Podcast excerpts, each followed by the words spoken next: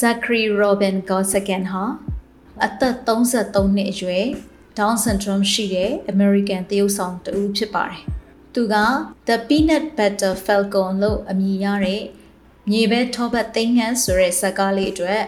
အမိုက်စားစဝင်ခန်းတွေကိုဖန်တီးခဲ့ပြီးတော့တရုတ်ဆောင်ခဲ့တဲ့သူတစ်ယောက်လည်းဖြစ်ပါတယ်။သူဟာ1985ခုနှစ်မှာမွေးဖွားခဲ့ပြီးတော့တဘာဝကလေးမွေးဖွားခြင်းဆိုင်ရာတင် जा ပြသမှုဇာတ်ကားမှာ မွေးကင်းစကလေးက screen ပေါ်မှာပြသခြင်းခံခဲ့ရသူလည်းဖြစ်ပါတယ်။ Florida ပြည်နယ် Palm Beach County မှာရှိတဲ့ Dreyfus School of the Art လို့ခေါ်တဲ့အမှုပညာကျောင်းမှာလေ့ကျင့်သင်ကြားနေတဲ့ Down syndrome ရှိတဲ့ဒီတရုတ်ဆောင် Zack ကိုစာရေးဆရာနဲ့ director ဖြစ်တဲ့သူနှစ်ယောက်ကနေပြီးတော့မှ2011ခုနှစ်မှာစတင်ပြီးတော့မှတွေ့ဆုံခဲ့တာဖြစ်ပါတယ် 2019ခုနှစ်မှာထုတ်လုပ်ခဲ့တဲ့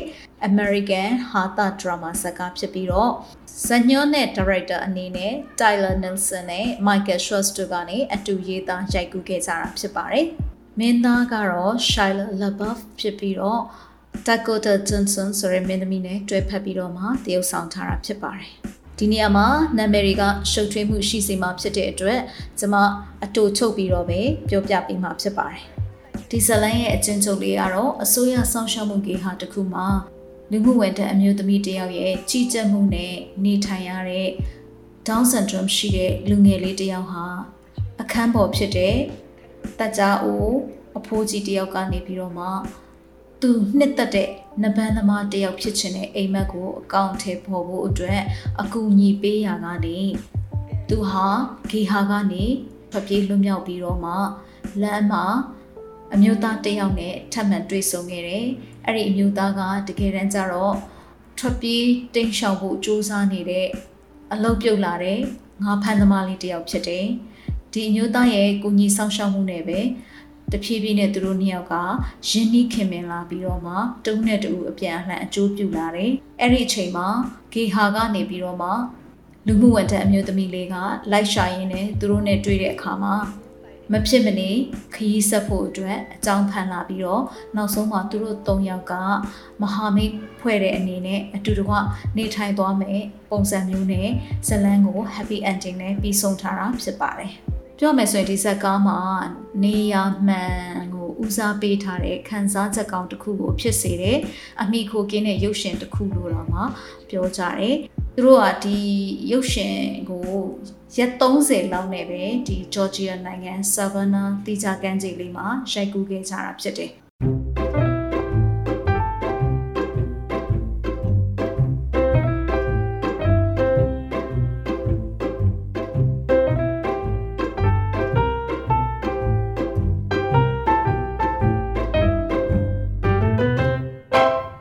မင်္ဂလာပါခင်ဗျာမင်္ဂလာပါရှင် မြန်မာ Cinemability Network ကထုတ်လွှင့်တဲ့ရေရေမောမောပေါ်ပေါ်ပါပါ podcast အစီအစဉ်ကနေကြိုဆိုလိုက်ပါရစေဒီအစီအစဉ်ကမြန်မာလူမှုနယ်ပယ်မှာမတန်ဆွမ်းမှုအသိပညာတွေမြင့်တင်ပေးနိုင်ဖို့မတန်ဆွမ်းအတိုင်းဝိုင်းကဖြစ်ရဆုံးကဏ္ဍဆောင်ကိုမတူညီတဲ့ရှုထောင့်ပေါင်းစုံကနေလွတ်လပ်ပွင့်လင်းတဲ့တွေးခေါ်ဆင်ခြင်နိုင်မှုတွေနဲ့မျှဝေလူကြားသူတွေရဲ့အတန်တွေကိုပြုစုပြောထောင်ဖော်ထုတ်ပေးနေခြင်းဖြစ်ပါတယ်။ Saltwater, some people claim the atomic throw is impossible. Those people are wimps. You believe in yourself, like the saltwater redneck believes in himself. You too can learn the moves, the skills, the atomic throw. Ugh. Some of these moves are outlawed in international countries, like the bronze pace. We have watched that throw ten times today already. I love Saltwater Redneck, and he is my hero, and he is totally He's totally a badass and he is the greatest person ever. ဒီမှာ Zach Gottsagen ကြောင့်ဆက်ပြီးတော့ပြောပြချင်ပါတယ်။မင်းသားလေးကို2011ခုနှစ်မှာ director နဲ့စညွှန်းရေးဆရာနှစ်ယောက်ကစတွေ့ရှိခဲ့ပြီးတော့မှသူ့ကိုကျေပွင့်အဖြစ်နဲ့ရုပ်ရှင်ကားကြီးမှာရိုက်ဖို့အတွက်သူတို့က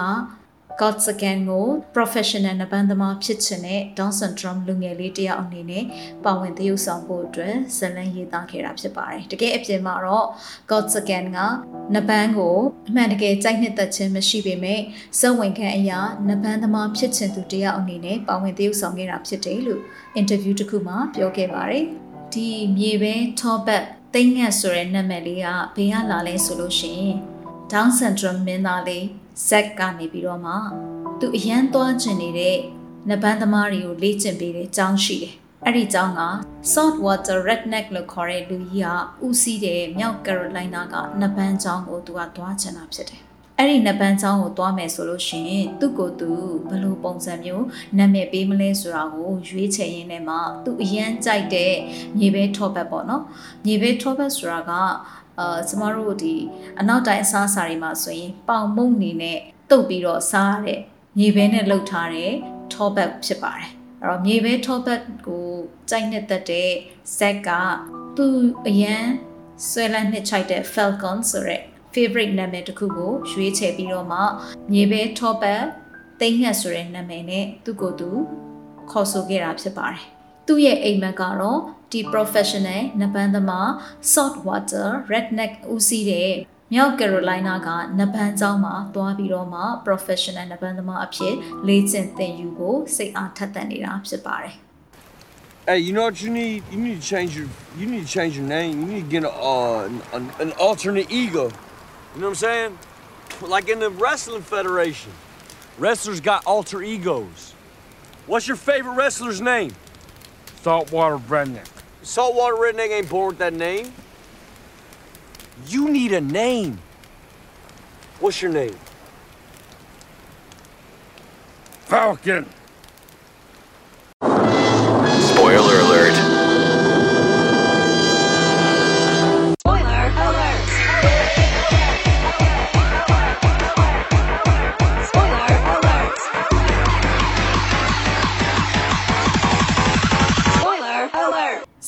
ဇက်အိမ်တည်ထားတာကတော့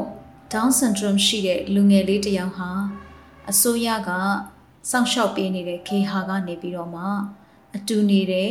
တက်ကြီးသူတစ်ယောက်ရဲ့ကူညီပေးမှုနဲ့လွတ်မြောက်လာပြီးတော့သူ့ရဲ့အိမ်မက်တွေရှိရာနဗန်းကျောင်းကိုတွားဖို့အတွက်လမ်းကြောင်းရှာရကနေပြီးတော့မှ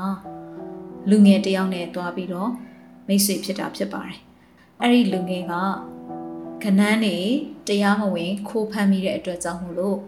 ရန်ညိုးရန်စားရှိတဲ့သူတွေလက်ကနေထွက်ပြေးရင်းနဲ့မှသူနဲ့တွေ့ခဲ့တာဖြစ်ပါတယ်။ဒီနပန်းကျောင်းသွားခြင်းနဲ့ Down syndrome ရှိတဲ့မင်းသားလေးကဂေဟာကနေခိုးထွက်လာပြီးတော့မှလှေတစ်ခုထဲမှာပုံနေခဲ့တယ်။အဲ့ဒီအချိန်မှာခနန်းနေတရားမဝင်ဖမ်းမိတဲ့အတွက်ကြောင့်မို့လို့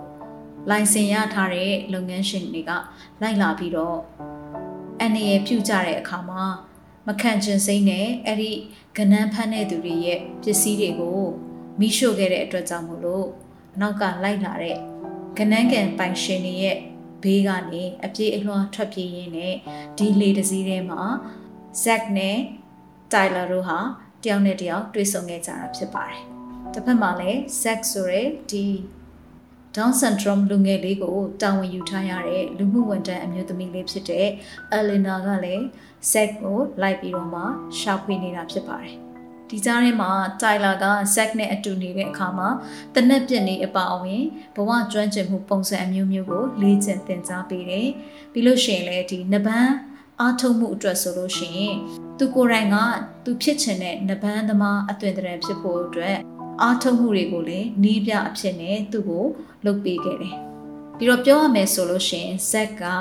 Tyler နဲ့နေတဲ့အခါမှာသူ့ကိုယ်သူပို့ပြီးတော့မှယုံကြည်မှုတွေတိုးလာတယ်၊ကြံ့ခိုင်မှုတွေတိုးလာတယ်။အဲပြီးလို့ရှိရင်ဘဝကိုပို့ပြီးတော့မှရင်ဆိုင်နိုင်လာတယ်ပေါ့နော်။ပြီးတော့သူ့ကိုယ်သူလည်း professional နဘန်းသမားတယောက်ဖြစ်ကိုဖြစ်ရမယ်ဆိုတဲ့ယုံကြည်ချက်တွေကတဖြည်းဖြည်းတိုးလာခဲ့တယ်။ဒီနေ့ Elena ကဒီ Zack နဲ့ Tyler တို့စခန်းချနေတဲ့တဲတောင်ပြင်လေးကိုရောက်လာတဲ့အခါမှာတော့ Zack ကိုပြန်ခေါ်ဖို့ကြိုးစားတယ်။အဲ့ဒီမှာ Elena က Tyler ကို Down syndrome ရှိတဲ့လူငယ်တစ်ယောက်ကိုဒီလိုမျိုးစောင့်ရှောက်ထားတာကိုတန်တရားရှိတဲ့အတွက်ဂေဟာကိုပြန်ခေါ်သွားဖို့အခြေတင်ပြောနေကြတဲ့အချိန်မှာပဲ Zack ကနေပြီးတော့မှ Elena ရဲ့ကားတော့ကိုပင်လယ်လေးကိုလွတ်ပစ်လိုက်ပါတယ်။ဒီလိုနဲ့ပြန်လန်းမရှိဘဲနဲ့ Elena ဟာ Tyler ရဲ့ဖောင်ပေါ်မှာအတူလိုက်ရင်းနဲ့ salt water redneck ရဲ့နဘန်းဆောင်ကိုရှာပေးဖို့အတွက်ခရီးထွက်ခဲ့ပါတယ် Why are you at? You don't You know, know about the anything wrestling thing? about him. Yes, of course I know about the All right, so I know wrestling. something about him, don't I? So, uh, you're a little late to the party. This is what's going on. I made a promise to him to get him that wrestling school in Aiden. Oh. You understand? I gave him my word, and I ain't going back down on my word. Now, you seem like a nice person. You care for him and all. You came all the way out here. Maybe it's because you like me. I don't know. Yeah. And, uh, I'm offering you a favor. You can get on that raft with us, and you can go right down there if you want. Uh, no, we're not gonna hop on your Yeah, little okay. raft and cruise around down the river. It's hot. You're confused. I'm not asking you. Hey, Eleanor. Oh, oh, oh, oh. I want to see a saltwater redneck, and I don't want to go home. ဒါပေမဲ့တညမှာတော့တိုင်လာမီးရှို့ခဲ့တဲ့ကနန်းကန်ပိုင်ရှင်တွေကလိုက်လာပြီးတော့မှသူတို့၃ယောက်စခန်းချနေတဲ့နေရာမှာသူတို့ရဲ့ဖောင်ကိုမီးရှို့ပြီးတော့မှအန်ရယ်ပြုတ်ဖို့ချင်းကပ်လာတယ်။အဲ့ဒီအချိန်မှာတိုင်လာကညှိနှိုင်းဖို့အတွက်စူးစမ်းနေတဲ့အချိန်မှာဇက်ကတနတ်နဲ့ချိန်ပြီးတော့မှအကာအကွယ်ပေးခဲ့တဲ့အတွက်ကြောင့်မလို့တိုင်လာရောအလီနာ ဇက်ရဲ့ကာကွယ်မှုအောက်ကနေပြီးတော့မှလွတ်မြောက်ခဲ့ကြတယ်။ဒီဇက်ဝင်ကန်းလေးကတော့ဇက်ရဲ့ပို့ပြီးတော့မှယုံကြည်ချက်ရှိရှိနဲ့ပြဿနာတွေကိုဖြေရှင်းနိုင်တဲ့စွမ်းအားကို တွေ့မြင်လိုက်ရတာဖြစ်ပါတယ်။ငကိုယ်တော့ကတော့ဇက်ကကြည်တထောင်ထွက်ဖို့အတွက်ပြည်ရင်မိယထားတန်လန်းမှာအနောက်ကိုအရှိန်လွန်ပြီးတော့မှလွင့်ထွက်သွားတာမျိုးအထိကြုံခဲ့ပြီးပေမဲ့အခုအချိန်မှာတော့သူဟာသူ့ရဲ့ မိတ်ဆွေတွေဖြစ်တဲ့ Tyler နဲ့ Elena ကိုကာကွယ်ဖို့အတွက်တနက်ကိုယုံကြည်ချက်ရှိရှိကင်ရဲလာတဲ့သူအဖြစ်မြင်တွေ့ရတာဖြစ်ပါတယ်။နောက်ဆုံးသူတို့ကမြောက် Carolina မှာရှိတဲ့ Aiden ကိုရောက်တဲ့အခါမှာတော့သူသွားခြင်းနဲ့နပန်းကျောင်းကို Salt Water Redneck ကအနားယူပြီးတော့ကျောင်းပိတ်ထားတယ်။ဒါဟာ10နှစ်လောက်ရှိပြီဆိုတော့သိရတဲ့အချိန်မှာ Zack အတွက်သူ့ရဲ့အပြောင်းအလဲဖြစ်သွားတဲ့အတ္တကိုရှင်းသန်လာဖို့အတွက် တိုင်လာက redneck ကိုအကူအညီတောင်းခဲ့တယ်အဲ့ဒီမှာ salt water ကလည်းဒီ set ကိုနဘန်းသမားတယောက်အဖြစ်နဲ့ယုံကြည်မှုရှိအောင်သူကလေ့ကျင့်ပေးတယ်သူ့ရဲ့ဘေးကင်းမှုနဲ့အောင်မြင်မှုအတွက်ပိုပြီးယုံကြည်ချက်ရှိအောင်သူတို့ရဲ့ data တွင်တိုက်ခတ်ရေးပွဲလေးတစ်ခုကို set ကိုခေါ်သွားပြီးတော့စီးရင်သွင်းလိုက်တယ်ဒါပေမဲ့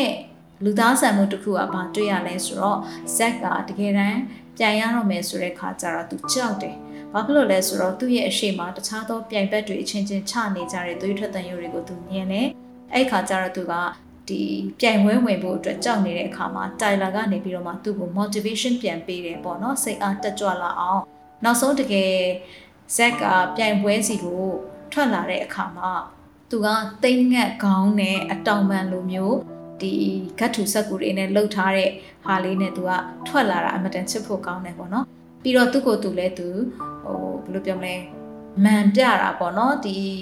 ဒီနဘန်းသမားတွေများသောအားဖြင့်ဒီ martial arts သမားတွေကတယောက်နဲ့တယောက်တိုက်ခိုက်ကြရမယ်ဆိုရင်မန်သွင်းကြတယ်လို့ပဲပေါ့နော်သူကလည်းဒီ peanut butter falcon ဆိုရဲသူ့ရဲ့နာမည်ကိုယုံကြည်ချက်ရှိရှိနဲ့မန်သွင်းပြီးတော့မှသူဟာဂျိုးဝိုင်းတဲ့ကိုရောက်ရှိလာတယ် The peanut butter Falcon!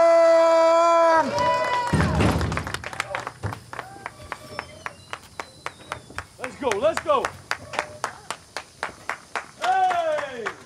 Woo! You're in a freaking cardboard box.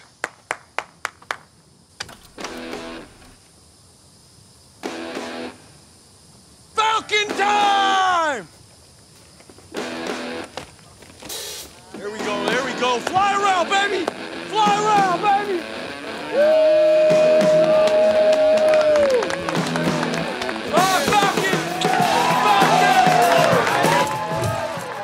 Falcon! သူနဲ့ပြန်ရမယ်တစ်ဖက်ကဆန်ဆိုတာကကြတော့အဖိုးကြီးဒါပေမဲ့အမတန်အာတန်တဲ့အဖိုးကြီးနဘန်းသမားဟောင်းကြီးဖြစ်တယ်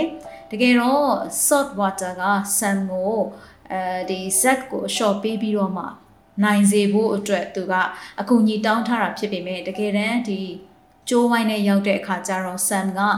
zack ကိုဘယ်လိုပြောမလဲတကယ်ပေါ့နော်ထိုးကြိတ်တဲ့သဘောမျိုးတွေလှုပ်လာတယ်အကြံပဒန်းတွေလှုပ်လာတယ်သူ့ကိုတွန်းလှဲတယ်ကင်ပေါက်တယ်စသဖြင့်ပေါ့နော် ဒီလိုမျိုးတွေဖြစ်လာတဲ့အခါကျတော့အာတိုင်လာကလည်းဒီအပေါ်မှာဇက်ကယုံကြည်ချက်ရှိရှိနဲ့ပြန်ပြီးတော့စူးစမ်းနိုင်အောင်မနာသွားအောင်ပေါ့နော်သူကလည်းချောင်းဝင်ဖို့အတွက်ဒီဇက်ရဲ့ဂျိုးဝိုင်းထဲမှာပဲသူအာယုံရောက်နေတဲ့အချိန်မှာပဲတစ်ဖက်မှာအာသူ့ကိုအန်နီရဲ့ပြုဖို့အတွက်တနည်းအားဖြင့်သူတို့ရဲ့နစ်နာကြီးတွေကိုတောင်းဖို့အတွက်လိုက်ရှာနေတဲ့ဒီကနန်းကန်ပိုင်ရှင်ကရောက်လာပြီးတော့မှသူ့ရဲ့ခေါင်းကိုအ တန်တုံးနဲ့ချလိုက်တယ်ပေါ့နော်အဲဒီမှာရင်ဇက်ရှိန်တက်သွားတာကမပြီးသေးဘူးဇက်ကလည်းသူ့ရဲ့ပြိုင်ဘက်ဆမ်ဆိုတဲ့အဖိုးကြီးကိုသူမန်တင်းပြီးတော့လက်နဲ့ကင်မပြီးတော့မှလွတ်ပစ်လိုက်တယ်ပေါ့နော်ဒါမျိုးလေးဖြစ်သွားတယ်ဆိုတော့ဒါဇက်ရှိန်တက်ဆုံးချိန်ပေါ့နော်တကယ်တမ်းကျတော့တိုင်လာကလည်းသူသွားရမယ်အဲနေရာတစ်ခုရှိတယ်အဲ့ဒါကတော့သူက Florida ကိုသူသွားမှာဖြစ်တယ်အဲ့တော့ဒီ Florida ကိုသွားမဲ့ လမ်းမှာ Elena ကကောင်းပေါင်းပြီးတော့မှဇက်ကနေပြီးတော့မှတိုင်လာကို Florida ရောက်ပြီဆိုတဲ့အခါမှာသူ့ကိုနှိုးလိုက်တဲ့အခါကျတော့တိုင်လာကသူ့ရဲ့ခေါင်းမှာပတ်တီအဖြူလေးနဲ့လိုက်ပါလာတယ်ပေါ့နော်အဲ့တော့ happy ending လို့ပဲပြောရမလားပေါ့နော်နောက်ဆုံးမှာတော့ Elena ရဲ့ Tyler ရဲ့ဒီ Zack ဆိုတဲ့မင်းသားလေးရဲ့၃ယောက်ကမိသားစုတစ်ဖွဲ့အခြေချနေထိုင်ဖို့အတွက် Florida မှာစတင်တော့မယ်ဆိုတဲ့ခန်းစားချက်လေးနဲ့အဆုံးသတ်သွားတာတွေ့ရပါတယ် Look at me, look at me, look at me, look at me. Hey, hey, look at me. Let me know. You want to do this anymore? Look, get up now. Lighten up, Sam. You're a piece of shit. You're a piece of shit. Say something, Zach. Come on, Zach. Come on, Zach. Come on, Zach. Uh, excuse me, Samson. What? You are number to my birthday party! Go, Zach. Go, Zach. Grab him. Grab him. Yeah. Gloves underneath. Up. Up. ဒီစက်ဝင်ခန်းထဲမှာစေးလေးတောက်တာပြီးလို့ရှိရင်အရက်တောက်တာဘာသာစကားတွေအကြံဖတ်မှုတွေစသဖြင့်ပေါ့နော်နည်းနည်းထိရှလဲတဲ့အကြောင်းအရာလေးတွေပါတဲ့အတွက်ကြောင့်မလို့ ဟာတာဒရာမာစွန့်စားခန်းဖြစ်ပေမဲ့လို့ PG13 အဆင့်ကိုသတ်မှတ်ထားတာဖြစ်ပါတယ်ဒီဇက်ကားဟာအဖြူသဘောဆောင်တဲ့သုံးသက်ချက်တွေတော်တော်များများတွေ့ရတယ်ဒီရုပ်ရှင်ကြည့်ရှုနှုန်းကြိုက်တဲ့နှုန်းကတော့7.5 Rotten Tomatoes ရရှိထားတယ်။ကြည့်ရှုနှုန်းပေါ်မှာမူတည်ပြီးတော့မှဒီဇက်ကားကိုသုံးသက်ချက်ပေါင်း220ပေါ်အခြေခံပြီးတော့မှထောက်ခံချက်အဆင့်သတ်မှတ်ချက်ဟာ95ရာခိုင်နှုန်းထိရရှိထားတယ်။ The Peanut Butter Falcon လို့ခေါ်တဲ့ဒီရုပ်ရှင်ကားလေးကပြောရမယ်ဆိုရင်တော့တကယ်ဖြစ်ရက်ကိုတော့အခြေခံထားတာမဟုတ်ဘူး။ဒါပေမဲ့ကန်နဝင်ဝတ္ထုကြီးတွေကဇက်ကောင်ရဲ့ပုံစံမျိုးကိုမိညံထားပြီးတော့မှကိုယ်ပိုင်ဘဝဒီတကယ်သရုပ်ဆောင်တဲ့ Zack ဆိုတဲ့ Down syndrome မင်းသားလေးရဲ့ကိုယ်ပိုင်ဘဝအတွေ့အကြုံတွေသူ့ရဲ့စိတ်ဝင်စားမှုတွေသူ့ရဲ့စိတ်ကူးစိတ်တမ်းတွေပေါ်မှာအခြေခံပြီးတော့မှဖန်တီးထားခဲ့တာဖြစ်တယ်။ Down syndrome မင်းသားလေးရဲ့ဇက်ကောင်နေရာကဘယ်ကလာလဲဆိုရင်ဘယ်ဟာကိုမိညမ်းထားလဲဆိုရင် American စာပေရဲ့ဖခင်လို့ခေါ်လောက်တဲ့ Mark Twain ရဲ့လူသိများတဲ့ Huckleberry Finn လို့ခေါ်တဲ့ဝတ္ထုတွေကဇက်ကောင်ကိုမိညမ်းပြီးတော့မှပုံဖော်ထားတယ်လို့လေတော်တော်များများကဆိုကြပါတယ်။ပြောမယ်ဆိုရင်တော့ဇက်ကောင်မင်းသားလေးနဲ့အမတန်မှအသက်ကွာဟာတဲ့ပုံကိုယ်တွေပြီးလို့ရှိရင် သူ့ထက်ပိုပြီးတော့မှခန္ဓာကြီးကျယ်တဲ့ဖြစ်ရက်တွေရှုခင်းနေစသဖြင့်ပေါ့နော်ခရီးချမ်းတွေဒါတွေနဲ့ပြန်ပြီးတော့မှပေါင်းဆက်ထားတဲ့ရုပ်ရှင်ဖြစ်ပါတယ်။ဒါကြောင့်မို့လို့လေ Huckleberry Finn ရဲ့ဇလန်းကို Godsagan ရဲ့တရုပ်ဆောင်မှုနဲ့ပြန်ပြီးတော့မှခင်မိတဲ့ပုံဖော်မှုလုပ်ထားတယ်လို့ဆိုလိုကြတာဖြစ်ပါတယ်။ဇညွန်းနဲ့ဒါရိုက်တာဖြစ်တဲ့ Nelson နဲ့ Swash တို့ကလည်း 2011ခုနှစ်ဝန်းကျင်ကလေးကကယ်လီဖိုးနီးယားပြည်နယ် Venice မြို့မှာရှိတဲ့ဒီမတန်ဆွမ်းတရုပ်ဆောင်တွေထဲက God's Again နဲ့တွေ့ဆုံခဲ့ပြီးတော့မှသူနဲ့အတူရုပ်ရှင်ရိုက်ဖို့စိတ်ဝင်စားတဲ့အကြောင်းကိုဖော်ပြခဲ့ကြတယ်။ငကိုတော့ကလည်း God's Again က Becoming Bulletproof ဆိုတဲ့ဒီဇလန်တိုလေးမှာလည်းသူကပါဝင်ခဲ့တယ်။အဲ့ဒီရဲ့ဒီဇက်ကားရိုက်ကူခြင်းနဲ့ပတ်သက်တဲ့ documentary မှာလည်းသူကပါဝင်ခဲ့တယ်ပေါ့။ God's Again ဟာဒီ Down syndrome ရှိပေမဲ့လည်းဒီရုပ်ရှင်ကားထဲမှာတရုပ်ဆောင်တူဦးဖြစ်ပါဝင်လာတယ်ပြီးတော့ဆွဲဆောင်မှုရှိပြီးတော့မှသူကဒီဇက်ညွန်းအတွက်လည်းသူကဥဆောင်သူအဖြစ်နဲ့ပါဝင်ခဲ့သေးတယ်။ဒီနေ့အဖြစ်သူ့ကိုတွဲဖက်စာရေးဆရာတွေဖြစ်ကြတယ်။တိုင်လာနဲ့မိုက်ကယ်တို့ကနေပြီးတော့မှ The Peanut Butter Falcon ကိုသူ့ကိုမင်းသားအဖြစ်တင်ရိုက်ဖို့အတွက်ဒီအရေးအချင်းတွေကြောင့်ဆုံးဖြတ်ခဲ့တယ်ဆိုတာကိုလည်းပြန်ပြီးတော့မှလုံဆော်ရှင်းပြခဲ့တယ်။ တကယ်တော့ Zack ကနေပြီးတော့မှဒီ Tyler နဲ့ Nelson ကိုသူကတွားပြီးတော့သူ့အတွက်ရုပ်ရှင်တကားရေးတင်တယ်ဆိုပြီးတော့မှသူကပြောခဲ့တယ်ပေါ့နော်ဒါကိုကြည့်လိုက်ခြင်းအပြင်သူတို့ကအမ်ဒါကတော့တကယ်ကိုညံကြီးရှင်မှုလို့ပဲဆိုပြီးတော့မှသူတို့ကဆုံးဖြတ်ခဲ့တာဖြစ်တယ်ပေါ့နော်တနည်းအားဖြင့်သူကတရုပ်ဆောင်ခြင်းနဲ့သူ့အတွက်ရုပ်ရှင်ကရေးပေးပါလို့သူကိုယ်တိုင်တွားပြီးတော့တောင်းဆိုခဲ့တာဖြစ်တယ်ပေါ့နော်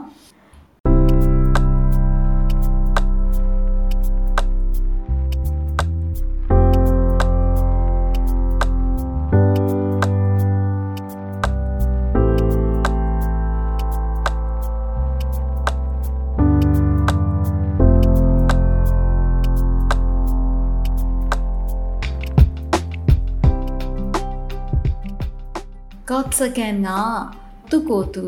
ဖော်ထုတ်ဖို့အတွက်ဒီရုပ်ရှင်ကားတွေမှာတချို့သောဇက်ဝင်ငန်းတွေကိုသူ့ရဲ့ idea တွေကိုထည့်ခဲ့တာရှိပါတယ်ဒီဆက်ကားထဲမှာရေစရာကောင်းတဲ့စာကြောင်းလေးတွေတချို့အပိုင်းလေးတွေဆိုလို့ရှိရင်တဲ့ဒီ director တွေကဝန်ခံထားတယ်အဲ့ဒါက Zack ကိုရိုင်းရဲ့ဖန်တီးမှုကနေသူတို့ရလာတာပေါ့နော်ဆိုတော့ဒီ Zack ရဲ့အမှုပညာဇံဝင်စားမှုနဲ့အမှုပညာဖန်တီးနိုင်မှုကတရုပ်ဆောင်နေမကဘဲနဲ့ဒီ Zack အသွားအလာတနည်းအားဖြင့်ဇက်ညွှန်းပိုင်းဆိုင်ရာမှာလည်းလာပြီးတော့မှအာပူပေါင်းပါဝင်မှုရှိတယ်တနည်းအားဖြင့်သူ့ရဲ့လှုပ်ဆောင်နိုင်စွမ်းဟာတရုပ်ဆောင်တစ်ခုတည်းတင်မကဘူးဆိုတာကိုတွေ့ရတယ်ပေါ့နော် ပြီးလို့ရှိရင်ဇက်ကစွန့်စားခြင်းစိတ်လည်းရှိရပေါ့ဒီရုပ်ရှင်ကားမှာဆိုရင်သူ့ရဲ့ကိုယ်ပိုင် style stunt ထွင်မှုတွေအားလုံးကိုလည်းသူအော်လုတ်ခိုင်းတယ်တနည်းအားဖြင့်ဆိုဥမာတစ်သားတရားပေါ်ကနေပြီးတော့မှရေထဲကိုခုန်ချလိုက်တာမျိုးလို့ပေါ့နော်ပြီးလို့ရှိရင်ရေထဲမှာရှိတဲ့ငါ့ကိုလက်ပလာနဲ့ဖမ်းမိသွားတာမျိုးလို့ဒါမျိုးတွေဆိုလို့ရှိရင်တကယ်သူဖြစ်ချင်ခဲ့တဲ့အရာတွေကိုသူဖော်ထုတ်ထားတာပေါ့နော်ဒါကြောင့်မလို့သူ့ရဲ့စိတ်ကူးရှင်နိုင်စွမ်းယူပါယုံလို့ခေါ်မှာပေါ့နော်သူရဲ့ဒီ creative vision က အရန်ကိုအားကောင်းတယ်ပြီးလို့ရှရင်ဒီဇက်ကအတွက်မထင်မှတ်တဲ့ဇက်ကွက်ကလေးတွေကိုပို့ပြီးတော့မှလှပအောင်ဖန်တီးနိုင်ခဲ့တယ်ပေါ့နော်အဓိကကတော့ဒီဇက်ရဲ့ဇက်ကွက်တွေနဲ့ဖန်တီးမှုကိုသူနဲ့လိုက်ဖက်အောင်လို့ထိန်းချုပ်နိုင်ခဲ့တာဖြစ်တယ်ပေါ့နော်အာဒီရုပ်ရှင်မှာဆိုလို့ရှိရင်လေရုပ်ရှင်နဲ့လိုက်ဖက်တဲ့တီးခတ်မှုတွေရေးသားမှုတွေအပါအဝင်ပေါ့နော်အာပြောမယ်ဆိုလို့ရှိရင်ဒီမှာတော်တော်များများ တေးဂီတာတွေကိုပေါင်းဆက်ပြီးတော့မှထည့်သွင်းအသုံးပြုထားတာရှိတယ်။ဒီရုပ်ရှင်ကားကို United States ပေါ့နော် America မှာ South by Southwest SXSW လို့ခေါ်တဲ့နှစ်စဉ်နှစ်တိုင်းဂီတရုပ်ရှင်မီဒီယာပေါင်းစုံရဲ့ပွဲတွေလုပ်တဲ့နေရာပေါ့နော်2019ခုနှစ်မတ်လ9ရက်နေ့မှာပထမအဆုံး World Premiere ကမ္ဘာပွဲဥထွက်ရုပ်ရှင်အဖြစ်ပြသခဲ့ပါတယ် အဲ့ဒီနောက်ပိုင်းမှာတော့ roadside attraction လို့ခေါ်တဲ့ရုပ်ရှင်ထုတ်လုပ်ရေးနဲ့ဖြန့်ဖြူးရေးကိုလုပ်ကိုင်တဲ့ကုမ္ပဏီကနေပြီးတော့မှဒီရုပ်ရှင်ရဲ့ဖြန့်ဖြူးခွင့်ကိုရယူခဲ့ပြီးတော့မှ2019ခုနှစ်ဩဂတ်လ9ရက်နေ့ကနေစပြီးတော့ရုပ်ရှင်ရုံတွေမှာပြသခဲ့တယ်ပေါ့နော်ပထမဆုံးကတော့ဒီ American နိုင်ငံမှာပဲကန့်သက်ရုပ်ရှင်ရုံတွေမှာစပြီးတော့ပြသတာပေါ့နော်တဖြည်းဖြည်းနဲ့ဒီရုပ်ရှင်ရဲ့အောင်မြင်မှုကဘယ်လောက်ထိဖြစ်လာလဲဆိုလို့ရှိရင်ရုပ်ရှင်18ရုံကနေပြီးတော့မှ Los Angeles, Dallas, Charlotte, Denver, Austin အစရှိတဲ့နေရာတွေကရုပ်ရှင်ရုံတဝက်ကျော်မှာလည်းဒီရုပ်ရှင်ဟာနံပါတ်1ဖြစ်တယ်ဆိုပြီးတော့မှစတူဒီယိုတွေကဖော်ပြခဲ့ကြတယ်။အဲ့တော့ရုပ်ရှင်နဲ့ပတ်သက်တဲ့အမျိုးမျိုးသောဈေးကွက်တွေမှာလည်းအယောင်းဝယ်တွေဖြစ်ခဲ့တယ်ပေါ့နော်။ဩဂတ်လ23ရက်နေ့မှာဆိုရင်စုစုပေါင်းရုပ်ရှင်ရုံ991ရုံအထိကိုဒီရုပ်ရှင်ကကျေပြန့်သွားပြီးတော့ရုပ်ရှင်ရုံပေါင်း1246ရုံအထိတိုးချဲ့ပြပြီးတော့ ဒီရုပ်ရှင်ဟာ17ဘက်မြောက်ယုံတင်ပြသမှုမှာဒေါ်လာပေါင်းတန်း20ကျော်အထိစံချိန်တင်နိုင်ခဲ့တာဖြစ်ပါတယ်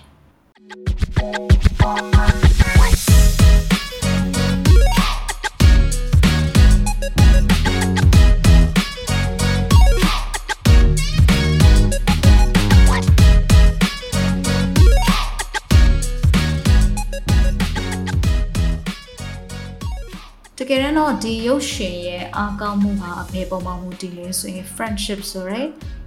ရင်းနှီးခင်မင်မှုပုံမှာအများကြီးမှုတည်သွားပါတယ်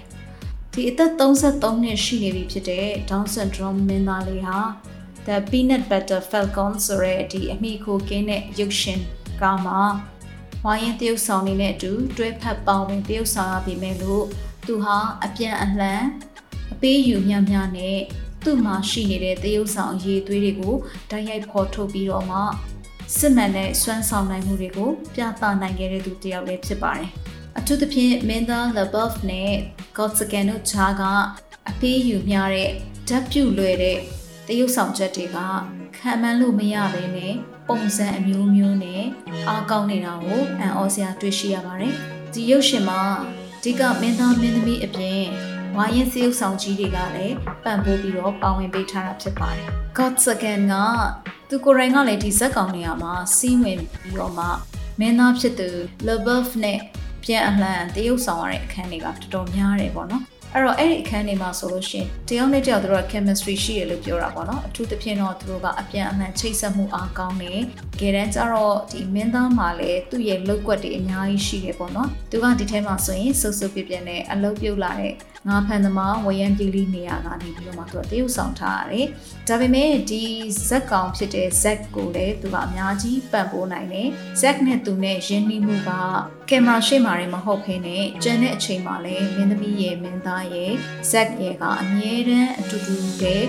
စားတော့ပြောဆိုပြီးတော့နီးနီးကပ်ကပ်နေထိုင်ကြတယ်ပေါ့နော်ဒီ friendship ကလည်းဒီရုပ်ရှင်ကားအတွက်အရန်အရေးကြီးတဲ့ကဏ္ဍဖြစ်တယ်ဒါကြောင့်ဒါပဲ ကင်မရာရှေ့မှာသူတို့ဟာတယောက်နဲ့တယောက်အပေးယူတဲ့တဲ့နားလည်မှုရှိရှိနဲ့တရုပ်ဆောင်နိုင်တာဖြစ်တယ်လို့ဆိုကြတယ်ပေါ့နော်ဆိုတော့ယဉ်နှီးမှုဟာတိတာမြန်ဆန်လာတာနဲ့အမျှဒီရုပ်ရှင်ရဲ့ screen ပေါ်မှာရှိနေတဲ့ပိတ်ကားပေါ်မှာရှိနေတဲ့ဇက်ကောင်တွေရဲ့အပေးယူမျှတမှုကိုပို့ပြီးတော့မှသက်ဝင်လာစေတာဖြစ်တယ်ပေါ့နော်အဲ့တော့ဒီ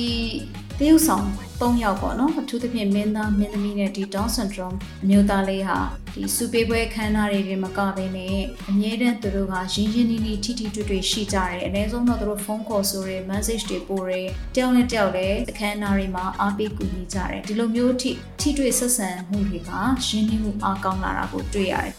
How was it different working with someone with a learning disability on set? Easier, much easier. Uh, no, no judgment, no like layers to get past. Just like um, blunt connection. Just very simple, easy to understand. Um, not a whole lot of layers. You know, not a whole lot of BS. မင်းသားဖြစ်သူကတော့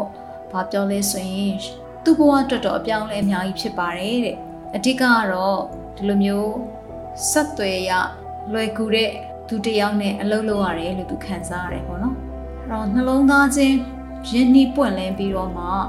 နီးနီးကက်ကက်အလုပ်လုပ်ရတဲ့ခံစားချက်မျိုးကိုသူဇက်စီကနေရခဲ့တယ်ဆိုတာကိုသူပြောခဲ့ပါတယ်အဲ့တော့ learning disability လို့ခေါ်တဲ့ဒီသင်ယူမှုခက်ခဲသူတယောက်နဲ့ရုပ်ရှင်ရိုက်ကွဲမှာအလုပ်လုပ်ရတာက ဘယ်လိုမျိုးရှိလဲလို့မေးတဲ့အခါမှာသူကတော့ပို့ပြီးတော့လွယ်ကူပါတယ်လို့သူကပြောတယ်။သိပြီးတော့အလှော်တွေအကန့်နေခံမနေပဲနဲ့တဲ့။လွယ်လွယ်ကူကူပဲတယောက်နဲ့တယောက်ချင်းကပ်ပြီးတော့မှနားလည်နိုင်တဲ့အနေအထားရှိတယ်လို့သူကတော့ပြောသွားတယ်ပေါ့နော်။ဒါဆိုလို့ရှိရင်တရုတ်ဆောင်လောကမှာကျင်လည်နေတဲ့မင်းသားမင်းသမီးတွေအတွက်လည်း ဒီမတန်ဆွမ်းတရုတ်ဆောင်တယောက်ဖြစ်တဲ့ Zack တနည်းအားဖြင့် Down syndrome ရှိတဲ့ Zack အနေနဲ့လည်းသူကိုယ်တိုင်က art school တွေမှာလေ့ကျင့်သင်ကြားခဲ့တဲ့သူဖြစ်တဲ့အတွက်ခုလိုမျိုး Hollywood တရုတ်ဆောင်တွေနဲ့ပေါင်းပြီးတော့မှတရုတ်ဆောင်ရတဲ့အခါမှာလည်း good connection လို့ခေါ်တဲ့အချိတ်အဆက်မိတယ်တချို့ကကြောင့်လည်းဒါ chemistry လို့ခေါ်တယ်ပေါ့နော်အာဓာတ်ပြုလွယ်တယ်ပေါ့နော်တယောက်နဲ့တယောက်အလွယ်တကူဓာတ်ပြုနိုင်တယ်အလွယ်တကူပေါင်းဆက် နိုင်တယ်ဆိုတော့ခံစားချက်မျိုးကိုရတယ်ဆိုတာကိုမင်းသားကပြောသွားခဲ့တာဖြစ်ပါတယ်အတကယ်ရန်ကျတော့တဲ့ဇက်ကနဗန်းသမားမဖြစ်ချင်ပါဘူးတဲ့ဒီလူတွေနဲ့ခြားတဲ့အလုပ်မျိုးမဖြစ်ချင်ဘူးပေါ့နော်ဒါပေမဲ့လည်းသူကဒီဇက်ကောင်အနေနဲ့ဆိုလို့ရှိရင်တော့တဲ့သူကတကယ်ကိုနဗန်းသမားဖြစ်ချင်နေတဲ့သူတယောက်ရဲ့ပုံစံမျိုးကိုမြင်ရတယ်ဆိုပြီးတော့မှ interviewer ကပြောခဲ့တယ်ပေါ့နော်အဲ့တော့ဒီရုပ်ရှင်ကနေပြီးတော့မှအဖြစ်သဘောဆောင်တဲ့ထင်မြင်ချက်တွေကိုရောအော်ဘယ်လိုမျိုး ပေးချင်တယ်လဲပေါ့နော်ဘယ်လိုမျိုးရရှိခဲ့တယ်လဲဆိုတဲ့အခါကျတော့အဓိကကတော့ကိုလှုပ်ချင်တဲ့အကြောင်းအရာတစ်ခုကိုမြင်နှိုးရမယ်ကိုကတံပိုးထားရမယ်ပြီးလို့ရှိရင်ကိုကဘာဖြစ်ချင်လဲဆိုတာကိုဖော်ထုတ်ရဲရမယ်ပေါ့နော်ဒီရုပ်ရှင်ကောင်းကိုကြည့်လိုက်လို့ရှိရင်စိတ်ဝင်စားမှုတွေစိတ်လှုပ်ရှားမှုတွေနဲ့ကိုရီရဲ့အစွမ်းအစကိုဖော်ထုတ်နိုင်ဖို့အတွက်အရေးကြီးတယ်ဆိုတာမျိုးကိုဇက်ကနေပြီးတော့မှဖြေခဲ့တာဖြစ်ပါတယ် ပြီးလို့ရှိရင်သူ့ရဲ့တရုပ်ဆောင်မှုတွေတခြားသောတရုပ်ဆောင်တွေနဲ့အလုံးလုံးရတဲ့စွမ်းရည်တွေဓာတ်တွေပုံမှာလဲလူတွေကိုသူကနေပြီးတော့မှသူတို့နဲ့အလုံးလုံးတဲ့အခါမှာလဲဟိုယူသေးလေးစားမှုပေါ့နော်အာအပြန်အလှန်ယူသေးလေးစားမှုရှိပြီးတော့မှကိုလှုပ်ချင်တာတစ်ခုကိုလည်းဖြစ်မြောက်အောင်လုပ်ဖို့အတွက်အရေးကြီးတယ်ဆိုတာကိုသူကခံစားမိတယ်လို့ပြောခဲ့တာဖြစ်ပါတယ် တကဘာလုံးမှာရှိတဲ့ဒီရုပ်ရှင်ကိုကြည့်ကြတဲ့သူတွေကိုလည်းပျော်ရွှင်မှုတွေစိတ်လှုပ်ရှားမှုတွေပေးချင်ပါတယ်ပြီးလို့ရှိရင်ဒီတရုပ်ဆောင်တွေနဲ့တွဲပြီးတော့မှမတန်ဆွမ်းသူတယောက်အနေနဲ့လှုပ်ဆောင်နိုင်တဲ့အကြောင်းအရာတွေကိုလည်းပို့ပြီးတော့မှလူတွေကိုသူ့ရဲ့လုံနိုင်စွမ်းကိုလည်းသိမြင်စေခြင်းနဲ့သူဖြစ်ချင်တဲ့သူနှစ်သက်တဲ့အရာကိုလည်းသူလှုပ်ဆောင်နိုင်တယ်ဆိုတာကိုလည်းပြချင်တဲ့သဘောဖြစ်ပါတယ်တဲ့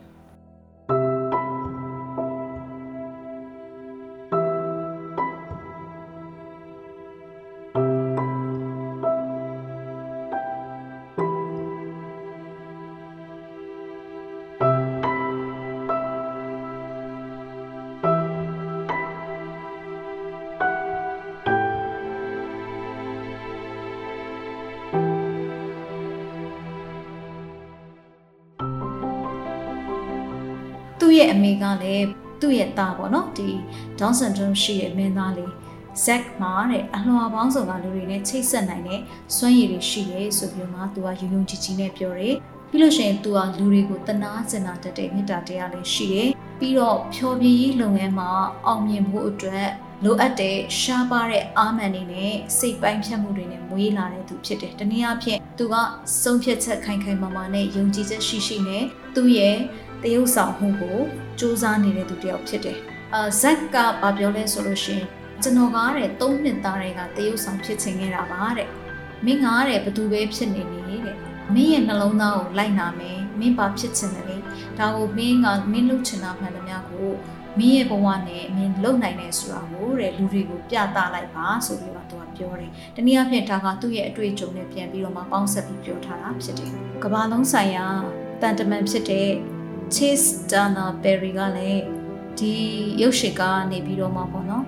တကမ္ဘာလုံးမှာရှိတဲ့ Down syndrome community အနေနဲ့ဆိုလို့ရှိရင်အမတန်ကိုဂုဏ်ယူပွဲကောင်းတယ်ပြီးလို့ရှိရင်လူမှုရေးပိုင်းဆိုင်ရာမှာသဘောထားတွေကိုဖော်ထုတ်ပြသနိုင်တဲ့အရေးကြီးတဲ့ရုပ်ရှင်ဖြစ်တယ်ဆိုတာကိုအာသူကနေပြီးတော့မှမိမောင်းထုတ်ပြီးတော့ပြောပြခဲ့တယ်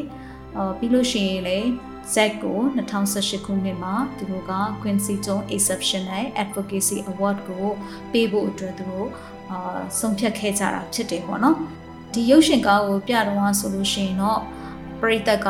ရင်မောကြရတယ်ငိုကြွေးကြရတယ်ပေါ့နော်ဒါပေမဲ့လို့ဒီနောက်ဆုံးစာရန်တို့တွေတက်လာတဲ့အချိန်လေးကြာဟောအားလုံးကမတ်တက်ရက်ပြီးတော့မှအော်ဒန်နေနဲ့လက်ခုပ်တီးပြီးတော့မှအားပေးကြတာကိုအားရပွဲတွေ့ခဲ့ရတယ်တဲ့ဒီ2019ခုနှစ်မှာပဲ God Second က Down syndrome ရှိတဲ့အာသူတွေထဲမှာဆိုလို့ရှိရင်တကယ်ကို role model အဖြစ်နဲ့ပေါ့နော်ခွန်အားယူတဲ့သူဖြစ်တယ်ဆိုတာမျိုးကိုသိမှတ်ပြုတဲ့အနေနဲ့ Global Down Syndrome Foundation Quincy Jones Exceptional Advocacy Award ကိုစုခုရရှိခဲ့ပါတယ်ဒီပွဲကကမ္ဘာလုံးဆိုင်ရာ Be Beautiful Be Yourself Faction Show ရဲ့10နှစ်မြောက်အခမ်းအနားဖြစ်ပြီးတော့မှ Global Award ကိုပေးတဲ့အခမ်းအနားမှာလည်းဇက်ဆောင်နှစ်ယောက်စလုံးဖြစ်တဲ့ LaBeouf နဲ့ Johnson တို့နှစ်ယောက်စလုံးဒီမင်းသားနဲ့မင်းသမီးက God Second ကိုလာအားပေးပြီးတော့မှဒီစုကိုကူညီပေးအပ်ခဲ့ကြတာဖြစ်တယ်။သူကဒီစုကိုလက်ခံကြောင်းမိန်ခွန်းပြောပြီးတဲ့အခါမှာတော့ ဂျက်ကင်လေးကိုချွတ်ပြီးတော့မှ catwalk လျှောက်တဲ့ပြေးလမ်းမပေါ်မှာမထင်မဲ့ဖဲနဲ့ကခုန်ခဲ့တာကအလုံးကိုချစ်ဖို့ကောင်းပြီးတော့မှပရိသတ်တွေကိုဆွဲဆောင်နိုင်ခဲ့တာလည်းဖြစ်ပါတယ်2019ခုနှစ်မှာ Associate Press ကနေပြီးတော့မှ Breakthrough Entertainer ဆိုပြီးတော့မှသူ့ကိုအကန့်အသတ်တွေကိုချိုးဖောက်နိုင်တဲ့ဖြောပြသမားတယောက်အနေနဲ့ဂုဏ်ပြုချီးမြှင့်ခဲ့တာဖြစ်ပါတယ်။ Godsagan ကလက်ရှိမှာလည်း ABC ရုပ်သံ series မှာ Felicity Huffman ဆိုတဲ့သရုပ်ဆောင်နဲ့အတူတွဲဖက်ပြီးတော့မှသရုပ်ဆောင်နေတာလည်းရှိပါတယ်။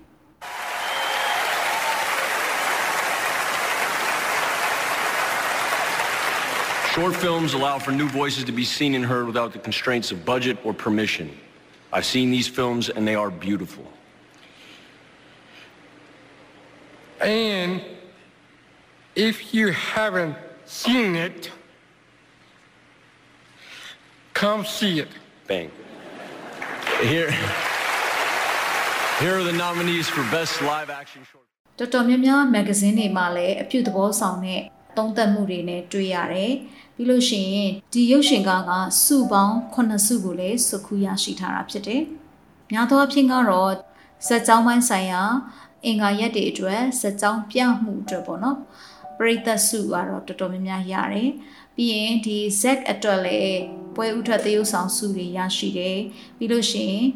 ရုပ်ရှင်ဝေဖန်ရေးသမားတွေကနေလည်း director နှစ်ယောက်ကိုပေးတဲ့စုမျိုးတွေရှိတယ်ပေါ့နော်ဒီလိုမျိုးစုပေါင်း9စုကိုရရှိခဲ့တာဖြစ်ပါတယ်ထူးထူးခြားခြားပဲ2020ခုနှစ်မှာလုပ်တဲ့62ကြိမ်မြောက် Academy စုပေးပွဲမှာတော့ Down syndrome မင်းသားလေးရဲ့သူနဲ့တွေ့ခဲ့တဲ့မင်းသားဖြစ်သူရဲ့နှစ်ယောက်က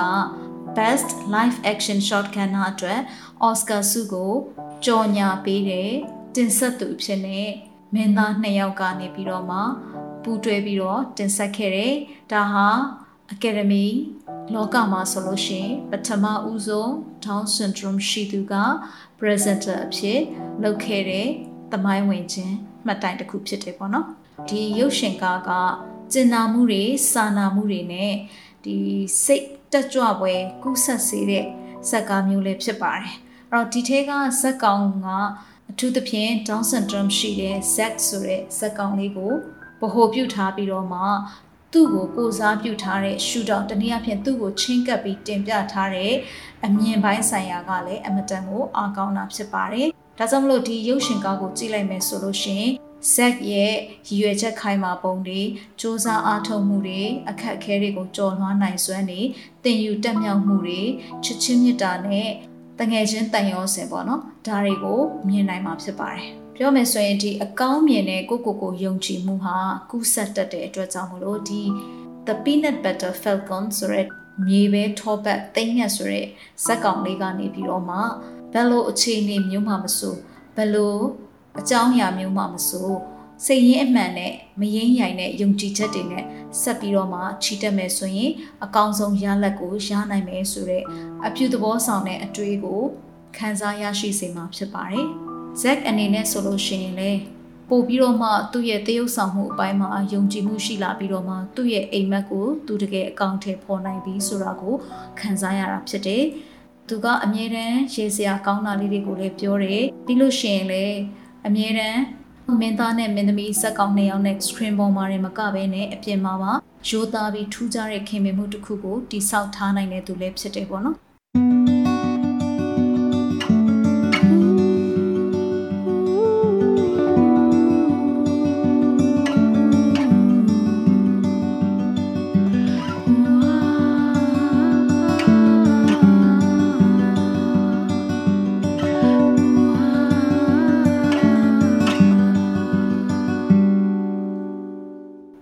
ထဲမှာစိတ်ဝင်စားဖို့ကောင်းတဲ့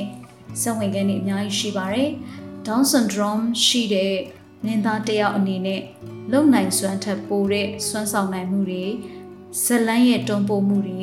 ဇက်ကောင်ရဲ့ဖန်ဆားနိုင်စွမ်းတွေကိုအများကြီးမြင်တွေ့ရတာဖြစ်ပါတယ်။စုတွေလည်းရထားတဲ့ရုပ်ရှင်ရိုက်ထားတာတိတ်မကြသေးတဲ့အတွက် YouTube မှာအလွယ်တကူရှာလို့မတွေ့ပါဘူး။ဒါပေမဲ့ဇက်ကားတစ်ခုလုံးကို Full HD quality နဲ့ free ကြည့်လို့ရတဲ့ website တစ်ခုရဲ့အဲ့ဒီ link လေးကိုလည်းဒီ post မှာရှာပြီးတော့ကြည့်လို့ရပါတယ် subtitle အနေနဲ့တော့ကျမတို့က English ကိုသွားပြီးတော့ရွေးပြီးကြည့်မယ်ဆိုရင်အဆင်ပြေပါတယ်တခြားသောဘာသာစကားတွေနဲ့လည်းကြည့်ဖို့အတွက်စီစဉ်ထားတာတွေ့ရတယ်ခက်တာကမြန်မာဘာသာတော့မပါဘူးပေါ့နော်မိတ်ဆွေတို့အနေနဲ့လည်းဒီရုပ်ရှင်ကားကိုကြည့်ပြီးပြီဆိုလို့ရှိရင်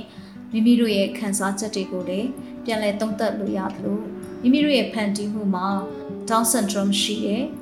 ဇက်ကောင်တယောက်ယောက်ကိုထည့်သွင်းဖန်တီးတဲ့အခါမှာသူ့ရဲ့လူသားဆန်မှုတွေသူ့ရဲ့စိတ်ဝင်စားမှုတွေသူ့ရဲ့စွမ်းဆောင်နိုင်စွမ်းတွေသူ့ရဲ့ရည်မှန်းချက်တွေကိုပါဝင်တဲ့ဇလန်းဇက်ကွက်ဇက်ဆောင်ဖြစ်နေပုံဖော်ပြီးတော့မှရိုက်ကူးနိုင်မယ်ဆိုလို့ရှိရင်ကျမတို့မြန်မာပြည်မှာရှိတဲ့တရုတ်ဆောင်ကိုဝါသနာပါကြတဲ့ Down syndrome လူငယ်တွေအနေနဲ့လည်းဒီနေ့မှာပိတ်ကားထက်ကဇက်ဆောင်ကောင်းတွေဖြစ်လာနိုင်မယ်ဆိုတာကိုယုံကြည်မျှော်လင့်ပြီးတော့မှဒီရုပ်ရှင်ကားကိုမိတ်ဆက်တင်ပြခြင်းဖြစ်ပါတယ်။တကယ်လို့မိတ်ဆွေတို့ရဲ့အသည့်အကျွမ်းတွေမှာမိသားစုဝင်တွေထဲမှာ Down syndrome ရှိသူလူငယ်လေးတွေရှိမယ်ဆိုရင်လေဇက်ရဲ့အကြောင်းလေးကိုပြောပြပြီးတော့မှသူ့ရဲ့ရုပ်ရှင်ကားလေးကိုနားလေသဘောပေါက်အောင်ကူညီပြသပြီးတော့သူတို့ရဲ့ရည်မှန်းချက်တွေသူတို့ရဲ့ယုံကြည်ချက်တွေဇက်လိုပဲ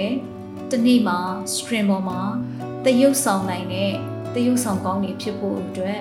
ကျမတို့ကြာရခန္ဓာကနေပံ့ပိုးပေးကြဖို့အတွက်လေတပါးတဲ့မြတ်တရက်ခံလိုပါတယ်အားလုံးကိုကျေးဇူးတင်ပါတယ်ရှင်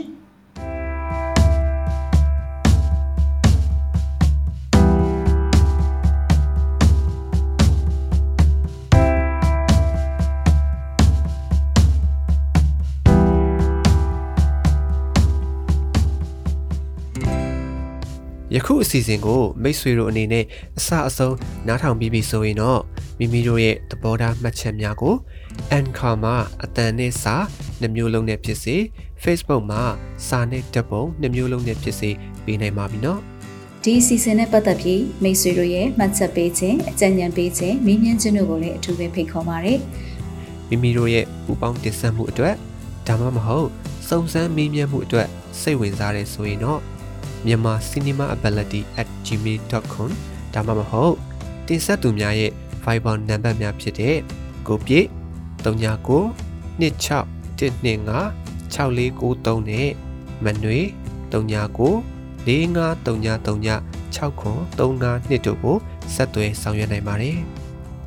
မိတ်ဆွေတို့အနေနဲ့ဒီစီစဉ်ကိုမသိသေးသူများသိဖို့လိုအပ်နေသူများအတန်ဆွမ်းအရေးကိုမိမိတို့ရဲ့လုပ်ငန်းခွင်အသီးသီးမှာထည့်သွင်းဆောင်ရွက်ဖို့စိတ်ဝင်စားသူမည်သူကိုမဆိုထပ်ဆင့်ဝေမျှပေးရင်သတင်းကောင်းပေးနိုင်ပါတယ်မြန်မာပြည်သူပြည်သားများအားလုံးမတန်ဆွမ်းမှုအသိပညာတွေတိုးပွားကခွဲခြားဆက်ဆံမှုကင်းပြီးအားလုံးအကျုံးဝင်တဲ့လူမှုအတိုင်းအဝန်တစ်ခုကိုအမြန်ဆုံးဖော်ဆောင်နိုင်ပါစေလို့ဆန္ဒပြုရင်းဒီကနေ့အစီအစဉ်ကိုဒီမှာရင်ရန်နာပါရစေ တောတာရှင်အားလုံးနေ့ရက်အသက်တိုင်းမှာကောင်းစည်းမင်္ဂလာပေါင်းများစွာရယူပိုင်ဆိုင်နိုင်ပါစေလို့လည်းကျွန်မကဆုတောင်းမြတ်တာပို့တာအပ်ပါတယ်။နောက်ဘက်စနေနေ့ည9:00နာရီမှာပြန်ဆောင်ကြရအောင်နော်။